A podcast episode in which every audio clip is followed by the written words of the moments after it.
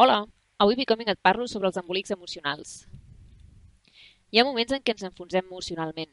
El caos guanya i sents que estàs fet un embolic. No saps què sents, no t'aclareixes, eh, et sents fatal. Quan estem insatisfets amb la nostra vida, probablement és perquè tenim un balanç emocional negatiu. Què vol dir això? Doncs que les nostres emocions i sentiments són principalment de tristesa, soledat, ressentiment, mal humor, gelosia, agressivitat, i són els que predominen a la nostra vida. Això és, una, és un símptoma que les actituds, conductes i decisions que, que hem estat prenent no, te, no ens afavoreixen. Si estàs patint massa durant massa temps, és que cal revisar la teva vida. Així podràs descobrir quins aspectes necessiten un canvi. Tota l'acció té un preu i el tipus de gestió que fem de les nostres emocions també. Tenir un mal dia no passa res. Dos, tampoc. Però quan són setmanes les que són dolentes, pots començar a entrar en una dinàmica autodestructiva que pot acabar amb depressió. Es cronifica el malestar.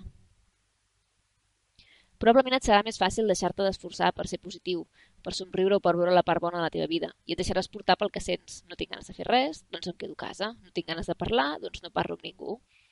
Fer esport em fa sentir bé, però no en tinc ganes i deixo de fer-ne, i cada cop em sento pitjor. O menjo gelat perquè estic trist avui, però acabes menjant malament cada dia. Llavors et trobes cansat, et sents malament amb tu mateix, el teu cos se'n ressenteix, i és un peix que es va mossegant la cua. Totes aquestes accions et portaran a un malestar posterior molt pitjor. La soledat, baixa d'autoestima, malestar, depressió... I a més a més, a part d'empitjorar la nostra qualitat de vida, és una fuita d'energia molt important. Per això, quan hi ha un embolic emocional és important intentar desembolicar-lo perquè no vagi a més. I el primer pas és definir les emocions. Quan no saps què et passa però saps que no estàs bé, pots sentir un ventall d'emocions molt ampli. Així que pots intentar fer una escàner emocional i fer una llista amb tots els sentiments i emocions que vas sentint. És un llistat sense censura. Apunta tot el que et surti, encara que siguin sinònims, que ja ho hagis escrit o que no sigui un sentiment. No siguis racional, deixeu anar. Per exemple, fúria, pena, ràbia, tristesa, angoixa. Em sento com si em cremés per dins, ira, etc.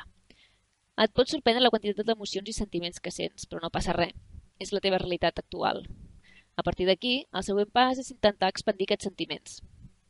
Agafa, agafa cada sentiment o emoció i crea una frase que ampliï el seu significat. Per exemple, fúria perquè és molt injust, o pena perquè sento que he perdut, o ràbia perquè que no funcioni com voldria. Un cop expressis els sentiments i les emocions en paraules i les desenvolupis, el teu estat emocional anirà millorant, ja que has posat una mica d'ordre al teu caos intern.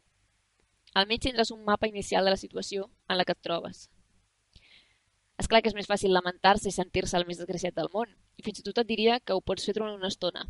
Però després, comença a posar ordre al teu caos i comença a definir el que sents. Ens veiem a www.becoming.cat. Fins aviat.